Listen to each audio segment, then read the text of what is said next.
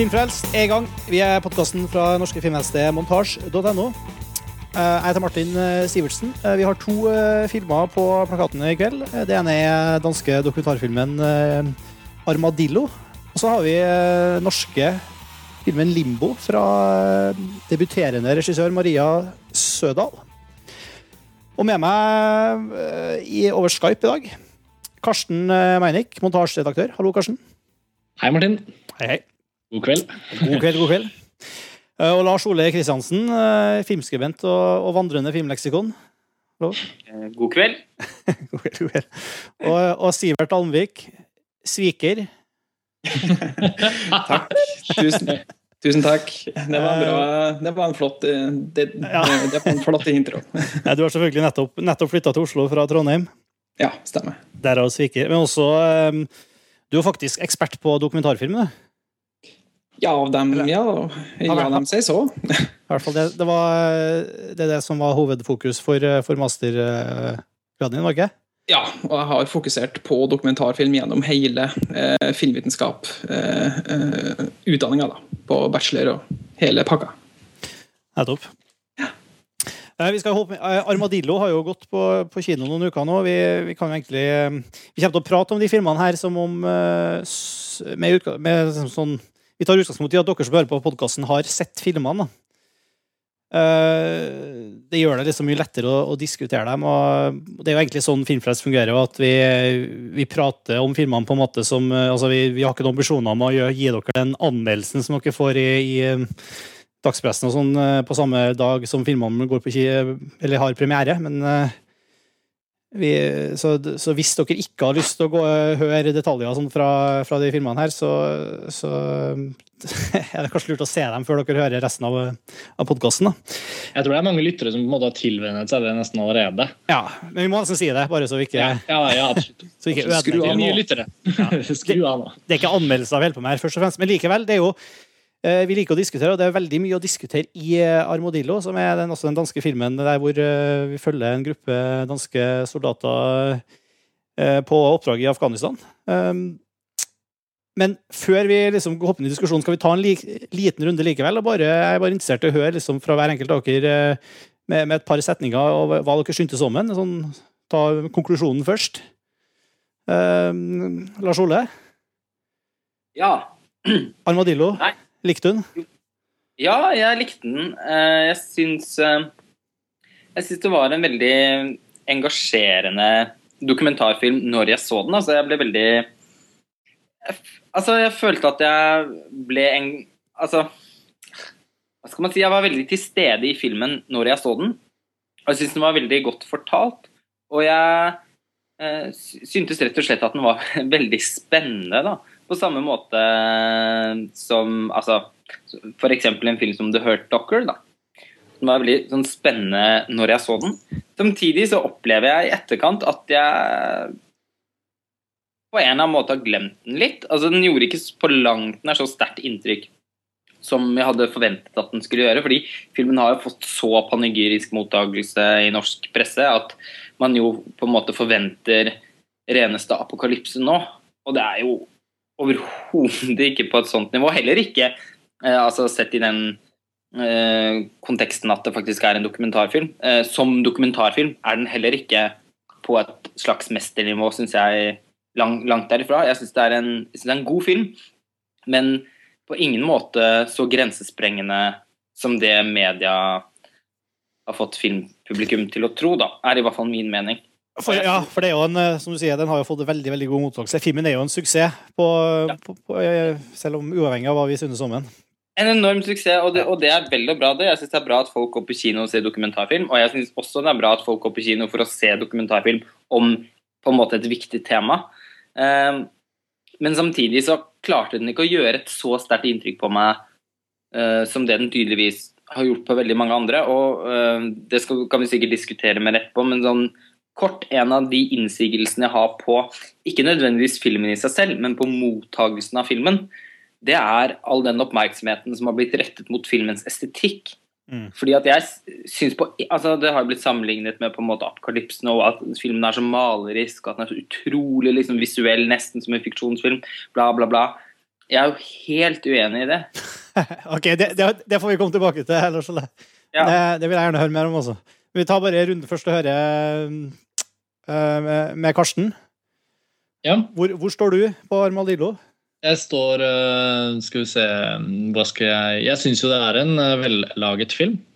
Det er en Jeg syns jo danske filmskapere i mange tiår nå har liksom vist oss Særlig de siste 15 årene så har de vist oss liksom hvor proffe de er, sammenlignet med oss andre i Skandinavia. De kan liksom ta for, seg, ta for seg en idé, og så sier de ok, la oss følge noen soldater i Afghanistan. Uh, og så vet de hvordan de skal gjøre det sånn at publikum liker det. De velger seg typer, de velger seg, de velger seg liksom en stil, de velger seg tempo, de velger seg liksom en, um, en greie, da, for å mangel på et bedre ord. Og så har de en veldig sånn narrativ, velfungerende strategi det er liksom Det er seks måneder, det er, det er, sånne, masse sånne rammer, da. Og jeg syns det er veldig bra. Det er veldig flinkt. Uh, og det skal de ha for. De, de, gjennomfører det, og de fullfører det. Uh, her kommer det selvfølgelig et men. jeg uh, ble ikke berørt av filmens alvor. Fordi den den, den, forteller jo om en veldig alvorlig situasjon. Det er soldater fra fremmede nasjoner som kriger en krig i et land langt langt, langt borte, hvor det bor noen mennesker. Og De menneskene skal få et demokrati å leve i, og det er det den krigen er ment å være. Det er liksom ment å være den krigens hensikt. Uh, og Denne historien handler liksom ikke om krigen som et stort spørsmål, men den tar opp veldig mange alvorlige problemstillinger som den mener å ha noe viktig å si om. Uh, og For meg ble filmen det ble på en måte en illustrasjon på viktighet, og den ble ikke viktig i seg selv. Eh, og Derfor klarte jeg heller ikke å engasjere meg ordentlig i det som skjedde.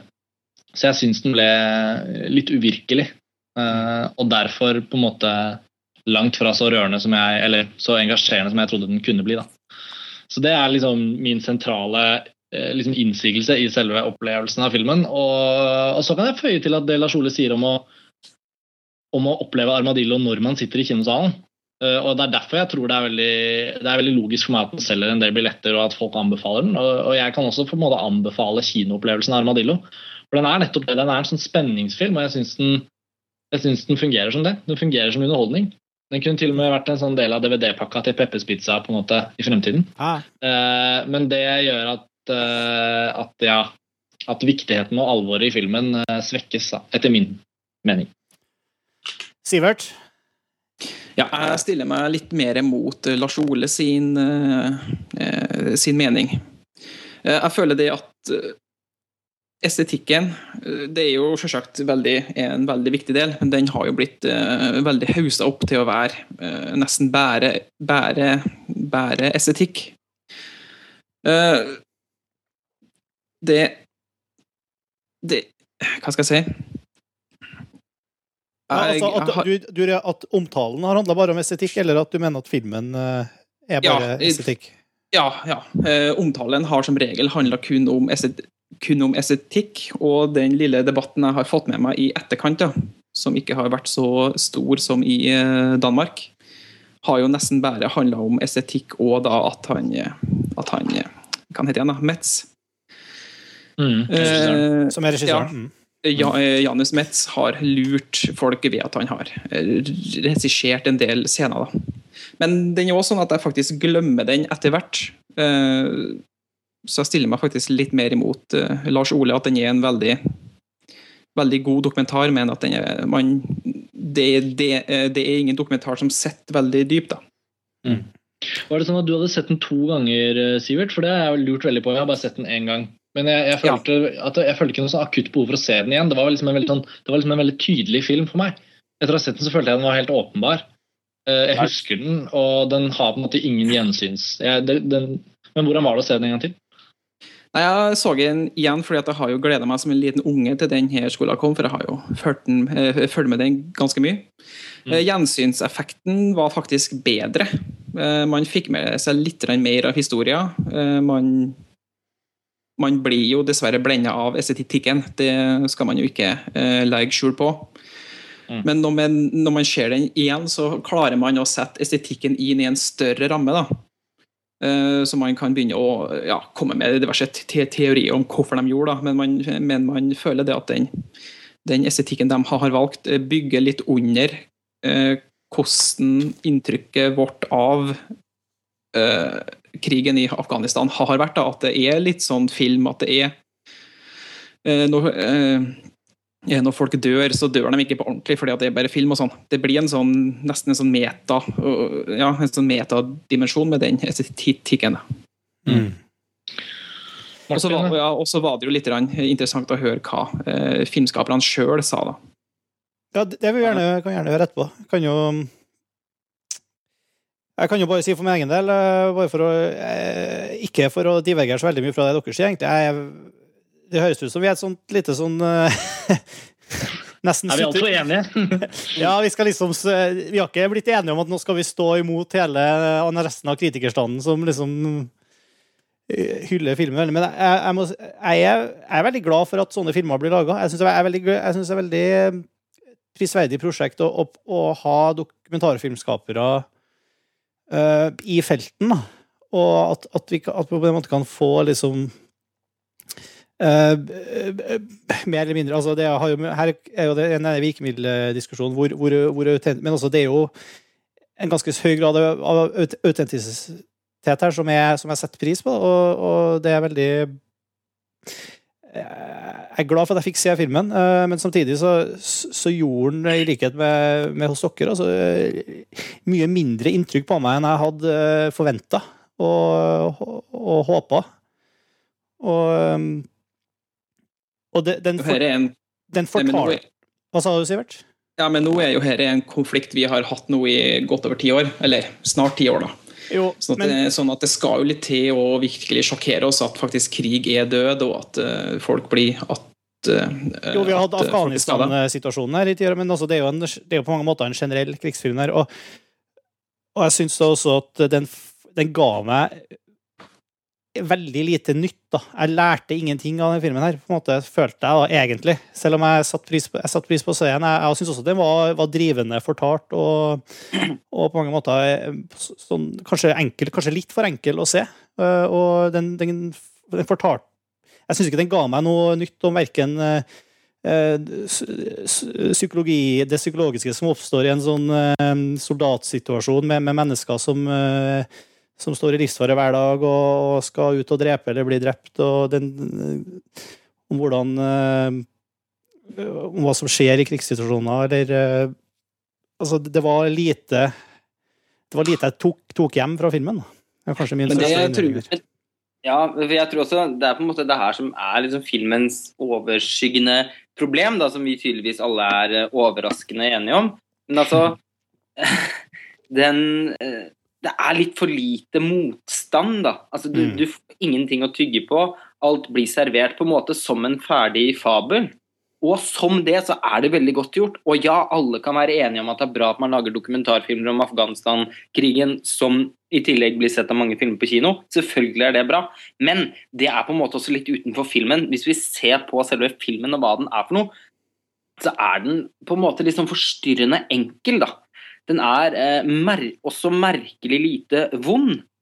En film som skal handle nettopp, om noe så jævlig mm.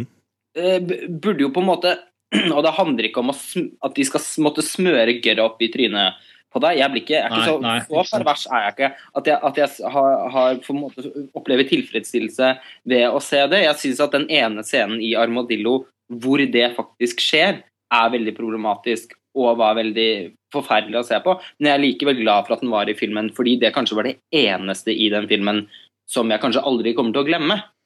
Og det er ja, Men det er jo litt sånn Sorry. Ja, altså jeg har én ting til å si. Eh, for, bare så det ikke blir glemt. At jeg syns at filmen har ett veldig godt grep. Som på en måte Det var nesten noe av det som gjorde filmen god for meg var den rammen de har De har en slags rammehistorie med den ene utrolig sånn fårete slags hovedkarakteren eh, som eh, skal ta farvel med foreldrene sine før han drar ned til Afghanistan. Og foreldrene hans, og spesielt moren hans, på en måte forsøker å over, virkelig å overbevise han om at han ikke må dra. Altså, hun uttrykker liksom med hele ansiktet sitt og med hele kroppen sin at det at han velger å dra ned dit, kommer til å ødelegge livet hennes i et år framover. eller et halvt år, eller jeg husker ikke hvor lenge det er der. Um, og det på en måte Bare det at barn kan nesten gjøre det mot foreldrene sine. Altså jeg bare, jeg satt meg selv i den situasjonen. Nå hadde jeg aldri hatt lyst til å dra ned dit uh, om jeg så fikk fem millioner kroner. Men, men jeg sitter likevel og tenker på liksom Hvordan kan på en måte barn gjøre det mot foreldrene sine? Uh, For meg så ville det vært et utrolig stort etisk problem, da, selv om jeg hadde hatt lyst til å dra ned dit. Og det at filmen tar med det elementet, det føltes i hvert fall for meg, sammenlignet med andre både dokumentarer og fiksjonsfilmer jeg har sett om, om, om både altså enten det er Irak eller Afghanistan-krigen, eh, så føltes det i det minste litt sånn nytt og friskt, og eh, det ble jeg ganske grepet av. Mm. Den føl men det, jeg mener, jeg føler at eh, det Armadillo får til, da eh, det, det å vise hvor, faktisk hvor meningsløst hele konseptet er. Eh, og det har vi jo sett i fiksjonsfilmen, da, for jeg skrev jo en artikkel for nesten et år siden om den meningsløse krigsfilmen. Uh, F.eks. om eh, The Hurt Locker og så, eh, og så videre.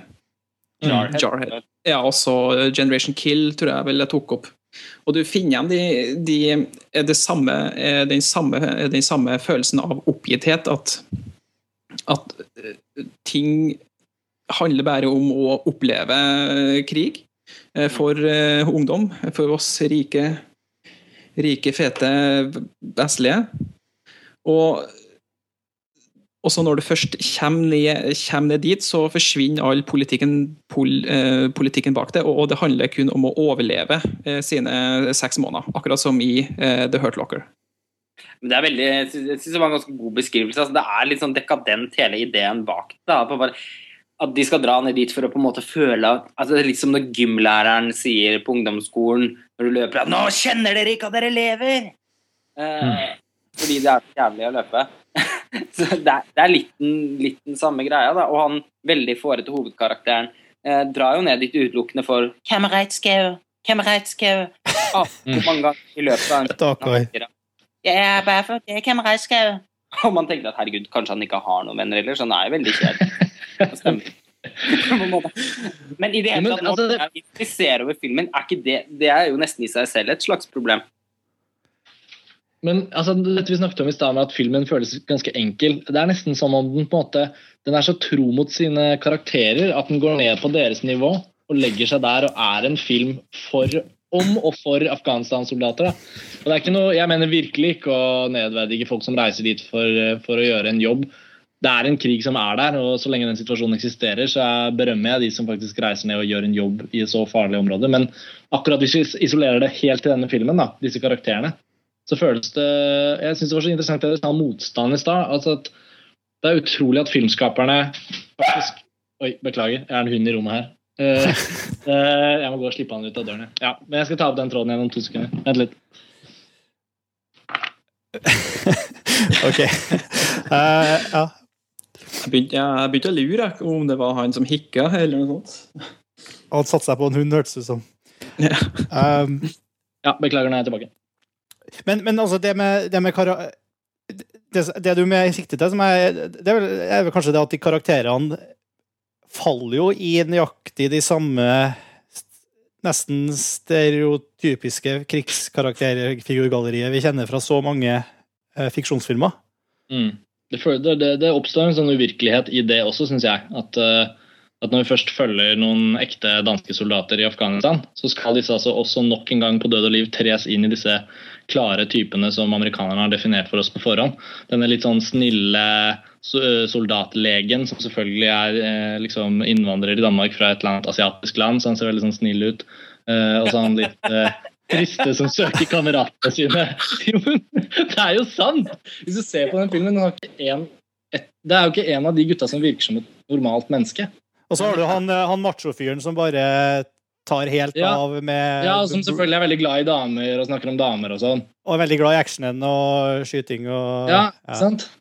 Men det hadde jo blitt en gør kjedelig film om man skulle handle om den mest kjedeligste fyren i hele leiren, da. Da hadde hadde Jo, vært men, nei, men det er ikke det. Jeg jeg sier ikke at det skal handle om det mest kjedelige. Jeg han sier at det burde handle om at hvis, okay, hvis, hvis filmen La oss si at filmen eh, forteller oss om noen soldater for å fortelle oss her hjemme at det er noen av oss som reiser ned dit. Er vi litt enige om at filmen forsøker å si noe om det? Ja, men også, men også er- er det der, Blir karakterportrettene sånn fordi det faktisk er sånn en eh, gruppe soldater utvikler seg? At de figurene oppstår? Eller er det fordi at filmskaperne har, eh, har søkt å skape de figurene for oss? Jeg tror det er et interessant spørsmål. Men jeg tror at uh, filmskaperen er Gud. Altså, du kan lage den filmen du vil lage. Og hvis du, hvis du ikke har større evne til å, til å tegne opp et mer nyansert bilde enn det denne filmen gir, så har du bestemt deg for å gi oss sånne karakterer.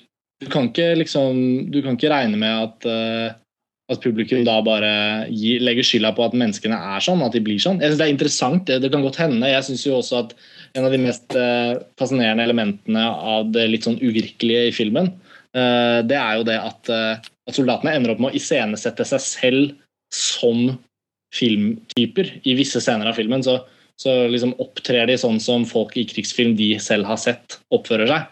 Og de blir filmet av dokumentarcrew, så liksom metasirkelen er liksom komplett. Eh, Det at eh, det befinner seg unge danske gutter i Afghanistan og kriger, er helt, det er jo helt idiotisk. Det er jo helt eh, meningsløst. Det er jo ikke noe poeng med at de skal være der. Og det blir bare det blir understreket av at filmen i seg selv føles helt uvirkelig. Men da, da syns jeg på en måte ikke at det blir verdifullt. Da, da syns jeg filmen da filmen blir på en måte like meningsløs som den, filmen, nei, den krigen den forsøker å skildre. og denne også- motstanden som vi etterlyser, den, den tror jeg er også en sånn kjerneinnsigelse. Altså. Og jeg tenker at den Men- kunne også kommet i form av en potensiell karakter. Da. Når man likevel når vi kan snakke om at filmen er såpass At karakterene er såpass nesten sånn fiksjonsaktig definert som de er, da, så, så kunne man jo også på en måte kanskje tenkt seg en, en karakter som var litt mer reflektert. Den vil jeg også tro at finnes der nede. Alle de Altså, akkurat som altså, han kinesiske legen altså Han er jo en, en slags potetsekk. Han hovedkarakteren er jo Altså, er jo virkelig utro, et utrolig uinteressant menneske. Altså, jeg føler ikke at det er noe Slutt å hakke på han stakkars hovedpersonen her. Da. Det, ja, men- ja, men, altså, det var jo litt på taket. Hvem reisker Altså, jeg kan, kan ikke noe for det. Det er selvfølgelig ikke en kritikk mot filmen som sådan. Det er bare en litt sånn flåsete personlig betraktning. Men jeg skulle jo også likt at det var noen hovedkarakterer der som faktisk var litt mer spennende å se på. Og det er jo også det er jo et helt reelt kriterium til en dokumentarfilm også. Um, fordi det er veldig mange dokumentarfilmer som faktisk blir laget fordi at de, de har en eller annen spennende karakter de har lyst til å fortelle noe om. Og Armadillo lider også. Jeg tror også det er noe av grunnen til at man på en måte, at den forsvinner så fort ut, er at man er på en måte bare interessert i den, den lille fortellingen, spenningsfortellingen som foregår der nede. Man er jo aldri oppriktig interessert i disse karakterene, fordi Ja, det, det er er, sant. det er utrolig kjedelige mennesker. det er, Eller ja. de blir i hvert fall fortalt om på en kjedelig måte. Det er ikke sikkert Ja, de ja okay. altså, jeg skal ikke dømme disse menneskene, kan hende de er superkule. Kanskje han glimter til på fest, altså jeg vet ikke. Men Men du, måten de er fremstilt på er i hvert fall veldig lite spennende. da. Men du ser jo tagline for den, eh, for den internasjonale filmplakaten for Armadillo, eh, så står det jo eh, For you it's a movie, eh, for them it's reality. Så eh, det er vel et sånn bevisst grep han eh, Janus Metz gjorde, da. At du skal føle akkurat det.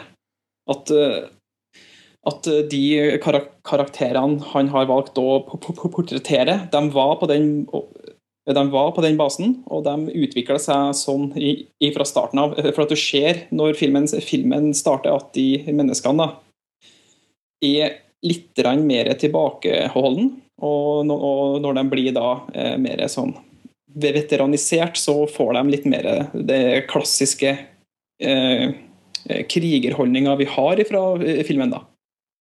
Så jeg tror at det er faktisk eh, med, gjort, med, gjort med hensikt for å problematisere da eh, eh, krigerkulturen eh, nasjonene fostrer opp under, da. Kanskje.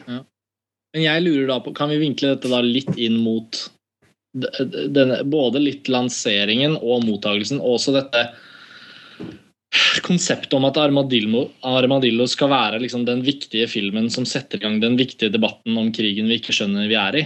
Fordi For meg har det vært et stort problem at filmen har blitt liksom tillagt en så stor viktighet og verdi. da. Eh, Vi sitter jo og snakker om en film som egentlig er litt sånn puffy, litt sånn, litt sånn popkorn. Uh, jeg, for meg er den helt uinteressant som debattskaper. Men det kan jo godt hende selve mottakelsen i seg selv setter i gang debatten. Men filmen, filmen sånn som den er, sånn som vi snakker om nå, jeg kan ikke skjønne hvordan den skal lede til innsikt om, om eh, nærværet i den krigen. Jeg, Eh, jeg tror har det, er ikke- det? det er ikke sikkert at vi hadde valgt å snakke om filmen en gang hvis den ikke har fått så Hvis vi alle sammen har sittet en kveld og sett den. Nei, Sånn sett så er jo vi også en, eh, en del av det maskineriet, så det Ja, må man jo bare erkjenne. Men derfor syns jeg kanskje det er litt viktig å prøve å analysere selv, da. Hva er det som gjør en blitt- sånn Hvorfor, hvorfor hauses det opp på den måten som det gjør? Nei, den har jo blitt eh, opp sånn fordi at den ble såpass eh, krast eh, Eller mottagelsen i Danmark var som den var, da. Hadde den gått ubemerka i Danmark, så har, så har vi aldri hatt den her i Norge. Og så kan Og- altså, Den ble jo vist Den fikk jo Ja, ja, kan. Ja. Men altså jeg, Men, men, det, men jeg, men, det er jo, men det er jo sant som du sier, at det finnes jo penere eh, dokumentarfilmer ute. da. Eh, Blant annet Mikael Glavogger lager jo mye penere dokumentarfilmer. Men jeg tror det at den, den debatten den har skapt, da, eh, både ved at vi snakker om den nå, som da at vi ja, nei, jeg føler bare, bare at Hva den mener du med pen, penere, Sivert? Nei, rent sånn estetisk. Mm. For jeg, jeg syns jo, jeg synes jo vi, må, vi må jo prate om virkemidlene her. ja, Mm. for det, det, var, det var akkurat det jeg hadde tenkt til å si litt om. da i forhold til nettopp den Fordi eh, som, det, som Sivert sa i stad, så har jeg også opplevd at veldig mye av de omtalen som filmen har fått, da, har vært veldig basert på filmens estetikk. Altså det er i hvert fall veldig, altså Til å være en dokumentarfilm da, så har den fått overraskende mye oppmerksomhet for altså de eh, estetiske virkemidlene. Da. Og basert på alt jeg hadde lest, så forventet jeg jo på en måte å gå inn og se et eller annet slags maleri når jeg gikk og så Armadillo. Og, eh, og så forventet jeg at det kom til å være problematisk. Men jeg tenkte også at det kunne være problematisk på en måte som var interessant. Eh, når jeg går og faktisk sitter og faktisk ser filmen, så er jeg jo helt utrolig forvirra over den mottakelsen. Fordi det eneste virkelig estet, sånn estetiske grepet som er gjort, er jo at de på en måte har fargekorrigert filmen Stort sett hele filmen i en sånn slags irrgrønn tone, og det er, kjempestygt. Altså det, ser, det er veldig dårlig, ganske dårlig gjort. Det er veldig overdrevet. Det er gjort Altså, det, det, filmen ser rett og slett ordentlig stygg ut. Eh, det er det eneste grepet jeg kan se. Og hvordan noen kan få den irrgrønne, nesten sånn amatørmessig fargekorrigerte farge, eh, greia til å være så fantastisk poetisk, det har jeg overhodet ingen forståelse for. Nummer to. Eh, det fins jo utrolig mye dokumentarfilm som, som på en måte forteller veldig mye gjennom bilder, og gjennom, eh, gjerne gjennom sånn typisk poetiske montasjer. Altså Stefan Jarl sine dokumentarfilmer for eksempel, er jo et ypperlig eksempel på en som både lager veldig maleriske bilder, og samtidig også bruker filmspråket til å skape en eller annen poesi som kan si minst like mye som på en måte det karakterene sier og gjør det er jo heller ikke et element i den filmen. der. Den er utrolig konvensjonelt fortalt. Og dette lille ene åpningsbildet med, altså med dette helikopteret som sier Og ja, det, får oss, det, det minner oss på apokalypsen òg, men come on, det er jo ikke så Det varer i kanskje ti sekunder. Det, det er faktisk noe jeg ikke engang på en måte Men- legger meg opp i Altså legger merke til, nesten. da. Jeg synes det var på mange måter en typisk sånn nesten sånn TV-dokumentar. Ja. Bare at den var på en måte veldig fortalt. på en måte. Altså Fortellingen er litt som en fiksjonsfilm, men estetikken syns jeg var utrolig ordinær. Men, men også det jeg tror jeg du, Der synes jeg du tar feil. Eh, Ja, jeg- estetikken ligner jo litt mer på fotojournalistikken. da. Eh, blant annet Ron Haviv, Antonin Kratochvil osv. At, det- at, det- blir mer en sånn eh, fotografisk estetikk, bare at det blir video. da. Det var sånn jeg følte at det var, og det ligner mye på det. Og så, Ja. så har det gått mye på at virkemidlene har at det er brukt mye En ting er jo det vi var så vidt innpå det med, med rekonstruerte scener og, og litt sånne ting, men også at at, det, er, det, er veldig, det er veldig mye sånne innskuddsting her, hvor du liksom du, du har kamera eh, er eh, plassert inni, et, inni kikkertsiktet på geværet, liksom, og, og, du, og, du, har mye sånne Du har ganske mange shots her som du ikke sannsynligvis ville ha fått bare ved å altså, Som du hadde vært, vært nødt til å konstruere, da. Mm. Men det er veldig vanlig.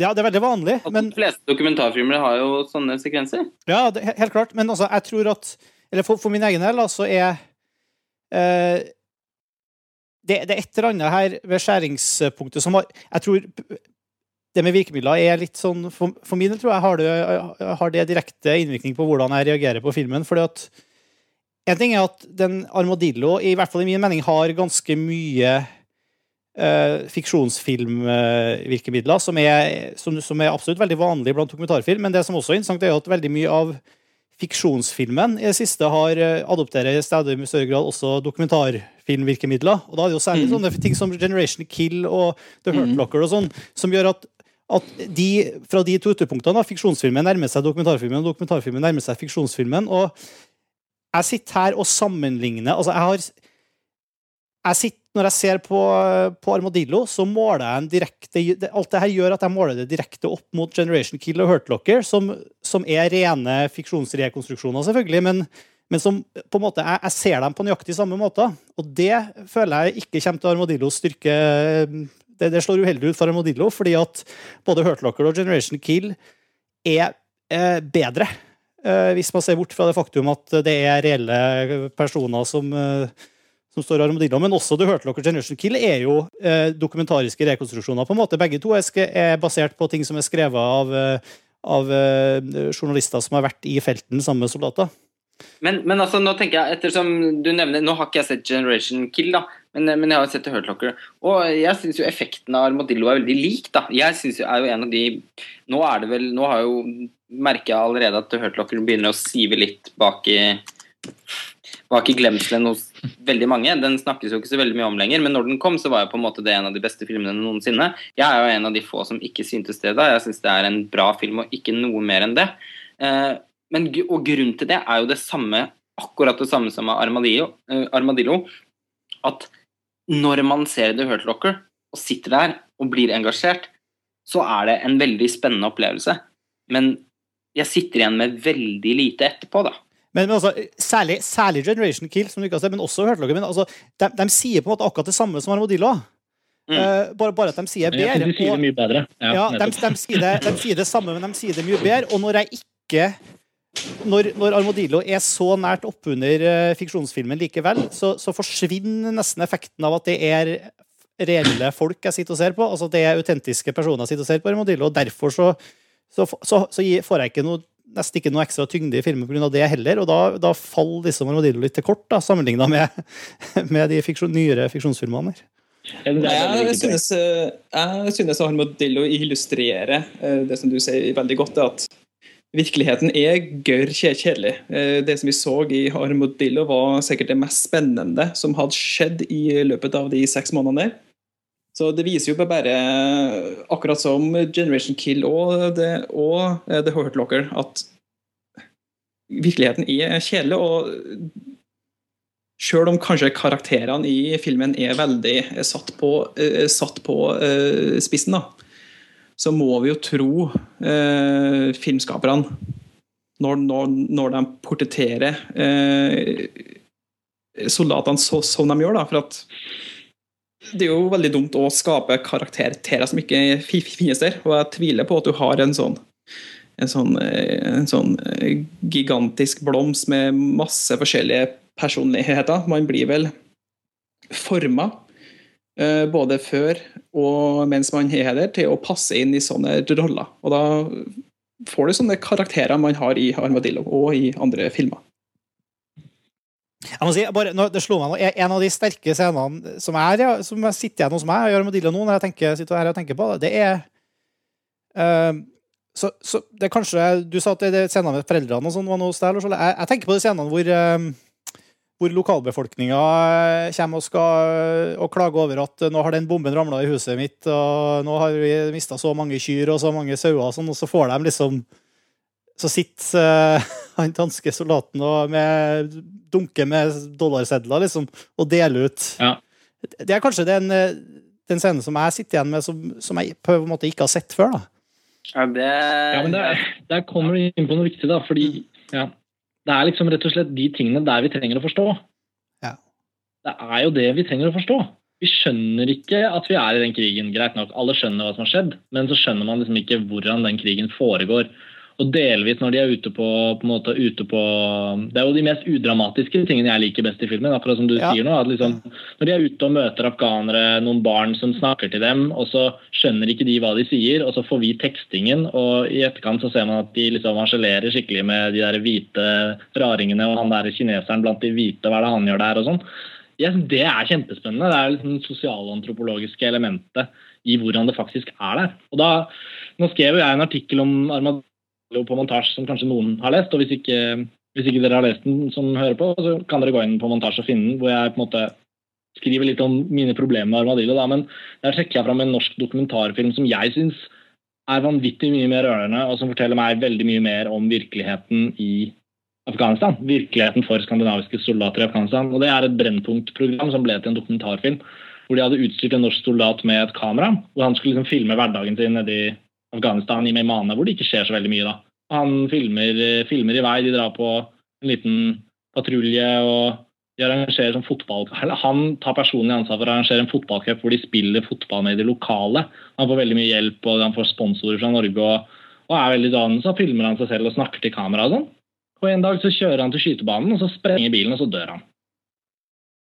Og Den andre halvdelen av filmen handler om øh, hvordan, øh, hvordan de andre på campen takler det. Og, og, og det er veldig, veldig trist. Og det går jo ekstremt inn på deg når man ser den filmen. I begynnelsen av filmen så er det sånn før han skal reise. Han filmer på gutterommet, viser også at han er fan av Manchester United. Foreldrene snakker om at det er skummelt å tenke på at han skal dra, men, men de har en følelse av at det skal gå bra. og hele den pakka der. Det er en veldig virkelig situasjon, og det er utrolig rørende historie fordi det handler om en gutt som, som har lyst til å gå ned og gjøre noe forskjell. Og når det er kjedelig på campen, vel, så får han prøve å gjøre noe med det. Så arrangerer han en fotballcup, og så kommer det folk og spiller, og det er ikke store, dramatiske krigshandlinger. Men det er en fare der hele tiden, og tilfeldigvis er det akkurat han som blir drept. Og den historien gir meg tusen ganger mer innsikt i både, både hva den norske deltakelsen i Afghanistan handler om, Uh, og hvis det er noen film som skulle, skulle kunne sette i gang en debatt om den norske deltakelsen, så må det være en sånn historie som det. Ikke en sånn uh, macho uh, Rambo-historie fra Danmark. Unnskyld uttrykket. Så jeg synes liksom Det er viktig å ha et perspektiv når man, når man hauser opp filmer som Armadillo. Og da er det egentlig veldig lett å se på vår egen lille virkelighet. Jeg tror det er ni norske soldater som er blitt drept til nå, og hver av de historiene er jeg sikker på at ville gjort 10 000 ganger mer inntrykk enn å se at danske gutter opplever kompaniskap og kjører motorsykkel når de kommer hjem. Det var godt sagt. Så det er spikeren i kista på Armadillo fra min side. Det var det. Ja, jeg vil også bare, men jeg vil bare mm, legge til en ting rundt det Martin begynte å snakke om. Fordi det syns jeg også skal sies, da, at eh, For det syns jeg også var veldig et interessant element med filmen, var nettopp møtet mellom de danske soldatene og lokalbefolkningen. Fordi den det jeg syns var så flott å se, var de folkene der nede. De var jo så flotte, syns jeg. Altså, de dret så utrolig langt i at de danske soldatene var der. Og de ga så langt faen i hva de skulle Altså, de prøvde å si um, We are here to help you. You must, uh, you must help us. No, no, no. No. Nei. De var ikke interessert i å samarbeide, fordi Nei, da vil da vil Taliban komme uh, og skjære oss halsen. Det, det, nei, det er uaktuelt. Dere får klare dere sjøl. Det syns jeg var utrolig flott med filmen. da. Og de her, en, Virkelig en fantastisk scene i filmen eh, hvor de har rota seg, to av soldatene har rota seg inn på en åker og drevet og tråkka i stykker en del av ja. den frukten eller de grønnsakene som de står i den åkeren. Og så kommer det to ganske unge folk, veldig flotte i en sånn drakter, og så bare kimser de sånn av de. Og så prøver de eh, Og så sier de bare Dere driver og ødelegger ødelegger det vi dyrker. Pell dere vekk. Og, og de danske soldatene sitter jo der med våpen og hei og hå. De to gjeterne har jo bare en pinne hver. bare dere, dere ødelegger for oss, kan dere ikke se å ha dere vekk? We are here to help you, you must cooperate, you must cooperate. Og så fleser de rett og slett av de og sier at nei, men altså Til slutt så kommer Taliban til å ta dere, og da Ja, Ja, ja. og, og- det, det, er jo der, det, er jo, det, er jo der de gode historiene ligger nå. For vi har, jo, vi har jo fått så mye av de andre historiene, for å si det sånn. Ja, men jeg, jeg er veldig enig. Vi er klar for Ja. neste generasjon krigshistorie, egentlig. ja nå- Han nå Metz ble jo ha- ha- Stalkings. eh, ja, han Metz eh, ble jo konfrontert med det, da, at eh, hvorfor har, har du ikke tatt med, med mer av afghanernes historie? Mm. Og da var det enkelte også vi som ønska at han kanskje skulle lage da, en eh, film sett fra den andre sida.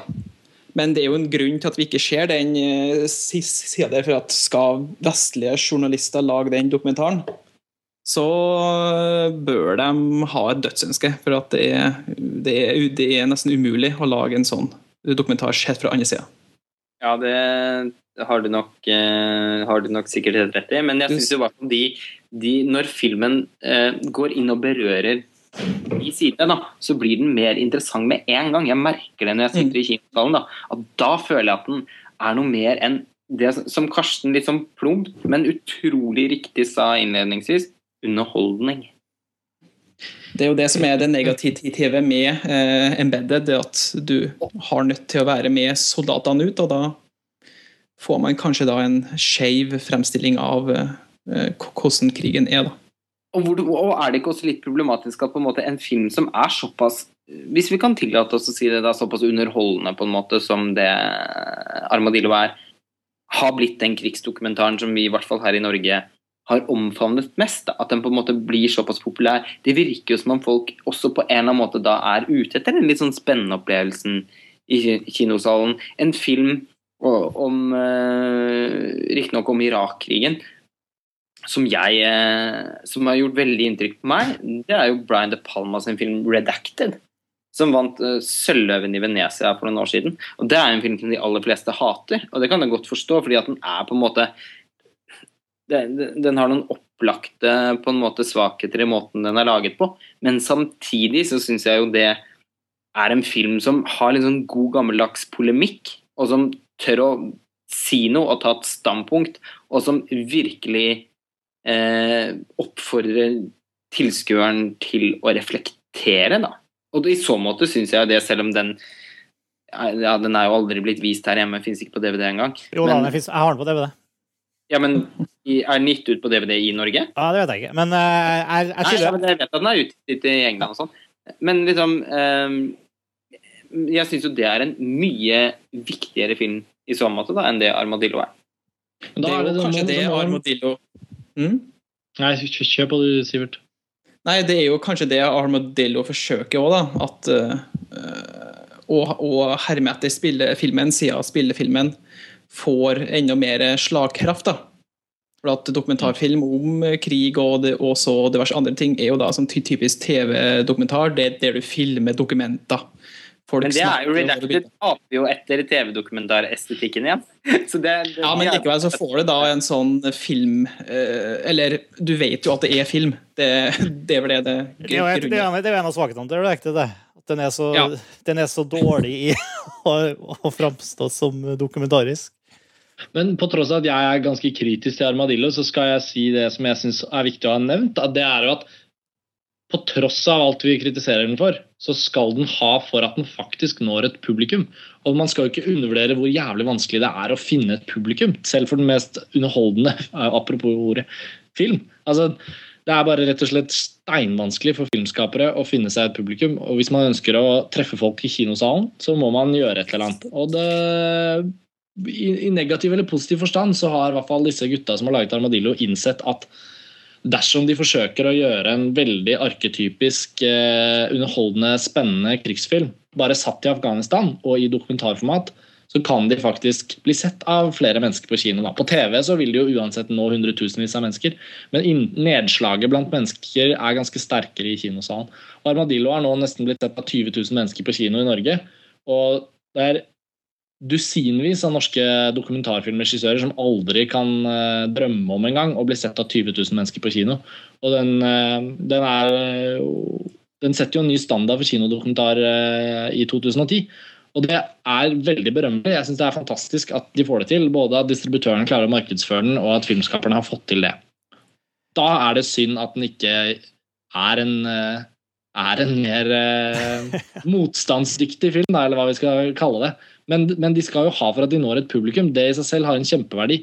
Og selv om filmen kanskje ikke egner seg for å igangsette en debatt, så har i hvert fall lanseringen av filmen sørget for at presseomtalen rundt Afghanistan-spørsmålet har vært veldig, veldig mm, intens. da. Så kanskje det leder noen vei. Det skal de ha, da. Det må vi si. Den jo, man kan jo kanskje enes om at det er en sånn slags sånn markedsføringsmesterverk. Ja. det høres jo helt forferdelig mm. Jeg kalte det Ja. for nisjekapitalisme. Jeg syns, Karstens appell, Ja, appell til filmen var bedre nå på slutten. Det var more opp, mer oppgitt enn din, Lars Olles. Ja, nei, altså, det, Det var, det var for å avslutte diskusjonen. Ja. for jeg, jeg er jo veldig lei det. Men jeg, også, jeg må jo også undre, selv om jeg har på en måte kanskje gjort litt sport i å hetse filmen her i dag, så er det også som en slags motstand fordi at filmen har fått så utrolig utelukkende, ukritisk positiv omtale. Jeg syntes, jeg syntes det var en ganske god Altså, jeg syntes jo det var en god film. Jeg syntes det var spennende, jeg syntes det var engasjerende. Men det nivået som på en måte uh, andre kritikere enn oss, da, stort sett alle, har valgt å plassere den filmen her på, som er nesten et slags mesterverknivå, det, uh, det klarer jeg ikke å forstå. Det er nesten, det skader vel nesten filmen litt. I hvert fall person, den personlige Ja. opplevelsen av filmen. Fordi når du kommer inn i kinosalen eller på TV-skjermen med så store forventninger, så, og den ikke helt innfrir det, så, så slår du heldig ut. Ja, det gjør det. Publikum fortjener på en mange måter mer, eh, mer reflekterte kritikere når det kommer til sånne filmer som det her. Da. Og, og selv om distributøren ønsker seg den hypen, så er jo ikke kritikerne der for å levere en omtale som enhver distributør har gjort seg fortjent. Det er jo forhåpentligvis sånn at uh, kritikerne i Norge er fritt tenkende mennesker som faktisk klarer å se en film uh, sånn som den er, og med, med den kunnskapen de har for å liksom forsøke å analysere og identifisere filmens natur. En films natur er jo nesten aldri gjengitt i markedsføringen eller i lanseringsstrategiene. Der har de jo pinpointet visse selling points, liksom, og så sier de ok, dette er en film som skal skape debatt. Kjør på. Det er det vi markedsfører den for. Og Da er det veldig leit at uh, så mange kritikere nesten anser det som sin oppgave å videreformidle markedsføringsstrategien i sine respektive kritikker av filmen. Når det de egentlig har muligheten til, er å sette seg ned og se filmen litt grundig. Og se hva det faktisk ligger der. Og det er jo ja, Nok en gang, Vi kommer jo ofte tilbake på, på at vi er litt misfornøyde med kritikerne i Norge, men, men her så blir det så jævlig synlig. da. Fordi den er så ja, panegyrisk eh, mottatt. Så. Så, greit. Skal vi eh, si oss ferdig med Armadillo? Ja, Nå er det nesten ikke noe tid igjen til limbo, da, stakkars. Jo da. vi, vi kan prate litt om Limbo, vi. Uh, ja, det er jo mye norsk film for tida. Limbo er, er vel den uh, første etter uh, Ninjatroppen. Ja, de, de kommer liksom sånn sakte, men sikkert raskere. Og jeg tror i oktober så er det bare et anslag av norsk film på kino. Så får håpe Limbo får litt oppmerksomhet nå for seg selv før den, før den blir most i bakken av eh, Knerten og Nokas, og det er ikke måte på hva som kommer. Mm. Det, eh, det er jo bare Lars Ole og Karsten, det er dere to som har sett den. Eh, Verken jeg eller Sivert har hatt anledning til å se den. Sivert, du har vært på sånn eh, Q&A. Stemmer det. Ja, Eh, Det Maria Sødal har regissert den. Er det et, hennes første spillefilm? Hva, hva vet du om Marie, Maria Sødal? Lars Ole? Hvem skal, hvem skal svare på det? Lars Ole? Sivert, kanskje? Du har, Sivert, du har jo Sivert. hørt henne på blått lerret. Da Ja. fortalte hun kanskje litt om bakgrunnen sin? Jeg har jo studert film i eh, København, så vidt jeg kunne ha skjønt. Og så har hun drevet og laga kortfilmer og litt dokumentarfilmer. Så dette er jo da, eh, som dere sier, hennes f f første eh, eh, langfilm, da. Er det. Det er en, eh, jeg har skjønt at det er en kjærlighetshistorie satt i eksotiske strøk. Nei, det er vel egentlig ikke det. Er det ikke? Nei? Det hørtes jo nesten ut som en episode av Ja, Robinson-ekspedisjonen. sant? Det var, flat, det var flatter, en flatterende tagline, Martin. Nei, hva, hva slags film skal man si at det er? Altså, det er jo For det første vil jeg si at jeg likte den veldig godt. Dette var et, en, et et meget oppløftende møte i kinosalen med det som forhåpentligvis blir en ganske spennende norsk, ny norsk filmskaper å følge. Men ikke minst fordi at det var en, en, en, film som kjente sine egne begrensninger, og som på en måte visste at dette er det jeg ønsker å fortelle en historie om, og da gjør jeg det. Det er jo veldig mange norske filmer som, som, som strekker seg, ikke bare norske, da, men mislykkede filmer er ofte filmer som strekker seg etter masse forskjellige historietråder og altfor mange karakterer, og så forsøker de å koke suppe, og, så, og det blir liksom ikke noe smak av det. Mens dette er en film som, som har en veldig klar linje. Vi møter en, eh, en, eh, norsk kvinne som er gift med en mann som jobber i Trinidad. Det er på 70-tallet. Og hun har åpenbart planlagt å flytte dit. Øh, og det er det omtrent første som skjer i filmen, er at hun får beskjed om at nå er det klart, nå kan hun komme. Og hun tar med seg sine to barn reiser til Trinidad for å bo der sammen med sin norske ektemann. Og leve på en måte et liv hun ikke helt vet hva vil innebære, men de er alle enige om at det beste er å være sammen. Og Det er utgangspunktet for filmen, og det skal jo da vise seg at uh, det blir litt vanskelig. Eller hva, Lars Ole? Jo, det var Syns du det er rimet, rimet omtrent med utgangspunktet? Ja, det syns jeg. Eh, jeg er jo veldig enig med Karsten. Har jeg skrevet en omtale på montasje. Eh, så jeg har jo på en måte egentlig sagt det Du, jeg vil si i den. Du, du skrev noe som jeg vet meg viktig, at, at hun, Maria, Maria Sødal har lagt filmen til Trindal. En av ting, Hun hadde bodd der så vidt som barn, men også for å, for, for å liksom få filmen vekk fra de vanlige rammene vi er vant til å ha for film, og for å liksom fremheve det tidløse i filmen. Er det Ja, noe som altså- funker? Ja, altså hun har jo brukt selv brukt begrepet samtidsstøy, da. Ja, nettopp. Ja, det var det. Mm. At hun ønsker For å på en måte dyrke litt sånn jeg tror det er så allmennmenneskelige og tidløse og universelle med både de kjønnsrelasjonene, altså kjønnsproblematikken som filmen tar opp, eh, og den altså utroskapsdramatikken. Jeg tror hun på en måte ikke ønsker at Altså Hadde man satt filmen til i dag, så ville så hadde man på en måte måtte forholdt seg til en veldig masse diskurser som har med andre ting enn kanskje akkurat den fortellingen som hun har lyst til å fortelle og gjøre. da. Og jeg syns at det er et veldig vellykket grep, fordi at periodefortellingen har liksom den fordelen at at man på en måte liksom lukker ting litt ute. Man på en måte forholder seg til det universet man blir servert, og så eh, lar man seg engasjere i den historien som finnes der. Og så kan man på en måte selv oversette den til eh, ting eh, man har opplevd. Og det er det samme om det er 30 år siden eller 300 år siden. Og i Maria Stødal sin film så, så er det jo ca. 40 år siden. Men eh, jeg syns på en måte at det er et vellykket grep fordi både det at den foregår på Trinidad, fordi at da får man en slags um, et ekstra element da, som underbygger de andre konfliktene i filmen. Altså møte med ny kultur, uh, det å måtte irett- irettesette seg og, og helt, etter helt nye rammer som, som man ikke kan noe om. Altså den eh, På en måte de instinktene man har, den litt sånn intuitive måten å bare leve på.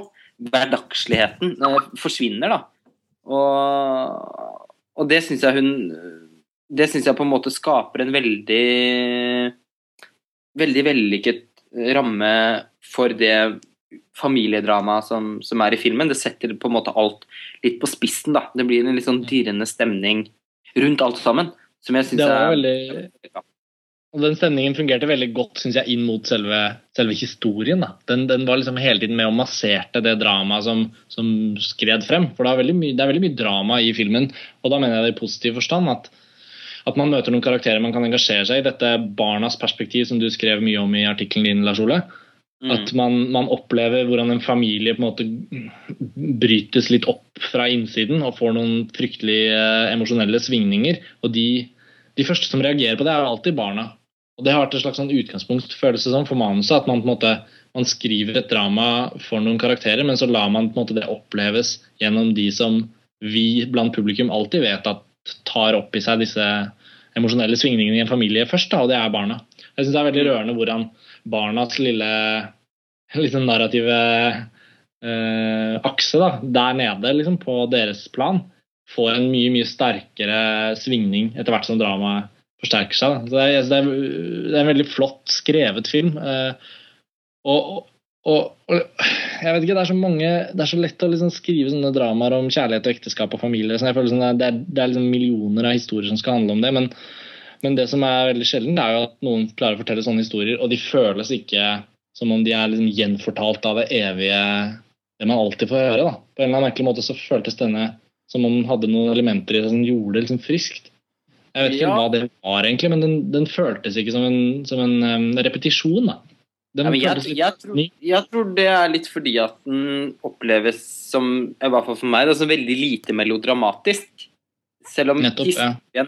Selv om historien er et typisk melodrama, og det kan jeg like veldig godt. Altså, jeg elsker jo filmene til Susanne Bier, for eksempel. Da. Ehm, og, så først og fremst så kan man jo si at e egentlig på mange måter så tror jeg det er ganske vanskelig å lage sånn type film eh, på en vellykket måte. Fordi vi Mm. klarer det nesten aldri her hjemme i Norge. Eh, men eh, men så, så, sånn som Susanne Bier og, og Per Fly da, klarer jo det i Danmark.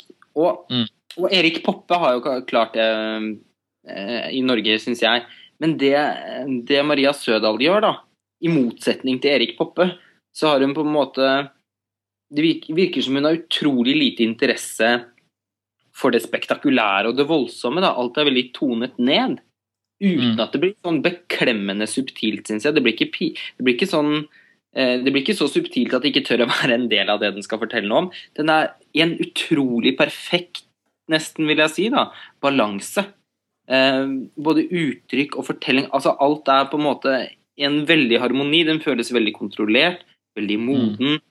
Eh, og både inderlig og Den er både liksom inderlig og reflektert på én gang. Og det tror jeg kanskje er litt forfriskende, i hvert fall eh, ettersom i hvert fall rammehistorien da, er såpass klassisk melodramatisk som den strengt tatt er. Et utenskap. Mm. Dere ser her, er jo da at hvis eh, filmen hadde, hadde vært lagt i 2010, da har den ikke fungert? Er det sånn å forstå? Nei, det blir jeg tror ikke det nødvendigvis. Jeg tror, ja, jeg tror hun ville kunne klare å fortelle. Det ville vært en annerledes film. da. Hun måtte jo skrevet eh, ganske annerledes karakterer. sånn. Det er jo noe, det er noe som ligger der i, i liksom det litt sånn der patriarkalsk, eh, litt sånn merkelige eh, i dynamikken innad i familien, så syns jeg den på mange måter også er litt en periodefilm. At man ser det der eh, litt sånn henger igjen fra 50-60-tallet, men det er på vei til å skje noe. Hun er en norsk kvinne som kommer fra et samfunn hvor hun har fått veldig mye rettigheter og er ganske fri, men samtidig så, så klarer den liksom ikke helt å leve det ut heller. Så jeg tror hvis den skulle vært fortalt i 2010, så ville den sikkert vært ganske annerledes. Uh, den ville kanskje ikke foregått i Trinidad, den ville kanskje foregått uh, ja, Hvor er det nordmenn reiser for å jobbe nå? ikke sant? Eh, I Nord-Irak, ikke sant? eller et eller annet sted hvor norske oljearbeidere er ute og og leter etter mer gull. Men, liksom, men jeg tror liksom kjernedrama og det vi også snakker om nå, litt som forfriskende, det, det er litt sånn universelt for kanskje talentet, rett og slett, da, som ligger bak filmen. Og den har noen veldig flotte flotte arbeider både på musikk og foto. Jeg syns klippingen var veldig god. Det var, hun har veldig mange gode mennesker med seg. Da. Jeg, Mm. jeg syns det gjør at den hever seg opp på et veldig bra nivå. Jeg synes den, Hvis man skal sammenligne med danskene, som er de som lager flest sånne filmer som det her, da, så syns jeg den står veldig stødig. og Den, den, den tar et mer litt mer sånn poetisk visuelt grep. Den kjører ikke den der knallharde stilen. Og, og, og det kan være litt befriende, egentlig. Jeg syns vi har sett veldig mye sånn der røft drama om disse temaene de siste ti årene. og Det er deilig å se noen gjøre det litt med eleganse. Ja, det er jeg veldig enig i. Jeg synes at den hadde Den føles mye mer filmatisk. På, på noen måter synes jeg nesten filmen kan minne litt om eh, Kanskje ikke, ikke så, så gjennomgående stilisert, men på en eller annen måte syns jeg den har litt av det temperamentet som Sam Mendes hadde spesielt i Revolutionary Road. da. Mm. Og sånn- faktisk litt eh, Dette høres kanskje rart ut, men litt Sofia Coppola over det. Litt. Ja, men den, den, eh, ja, men den er jeg med på. Ja. Den er jeg med på. Eh, Er det her en film som har eh, som internasjonalt potensial? Den, den startet jo med å delta på en filmfestival i Montreal og vinne prisen for beste regi. Oi. Og det er jo en god start hvis man skal nå ut internasjonalt. Men det er klart, jeg tror kanskje ikke den har det derre litt sånn crazy skandinaviske som ofte blir et sånt innsalgselement, da. Den, Den den, hø- den høres jo veldig uskandinavisk ut. Unorsk ut. Jo, men jeg vet ikke, det blir definitivt ikke uskandinavisk. Nei. Den er jo snarere. Altså, eh, den er jo veldig i tråd med liksom Jeg tror det i hvert fall om verden for øvrig stort sett sånn gjennom historien har på en måte har oppfattet skandinavisk film, da, så har jo på en Mm. måte litt sånn menneskelige drama der karakterene blir avkledd, og de får en Som Bergman-aktig. Bergman, ikke sant? Selvfølgelig er jo Mm. guden for dette her. Og for alltid Mest en gud, men, men også litt eh, et slags spøkelse over skandinavisk film. Ja, fordi det blir jo vurdert veldig opp, opp imot det, da. Og den har ikke ja, på en måte ikke- ja. Jeg aner ikke hvor mange amerikanske film, filmanmeldelser jeg har lest av liksom helt vilkårlige skandinaviske filmer hvor det står 'It's very Bergmanesk', og jeg tenker at nei.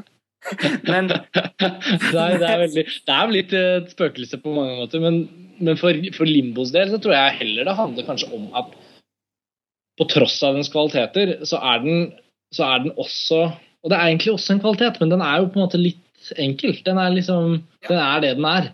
Og, og jeg tror uh, nivået av engasjement i filmen som hever den opp, opp og forbi det det som er veldig bra, det vil jo ofte være litt sånn individuelt hvordan publikum selv kan relatere seg til historien. Hvis man selv kommer fra, fra en familie og har vokst opp med et søsken som enten har vært eldre, eller man har vært en eldre selv, eller?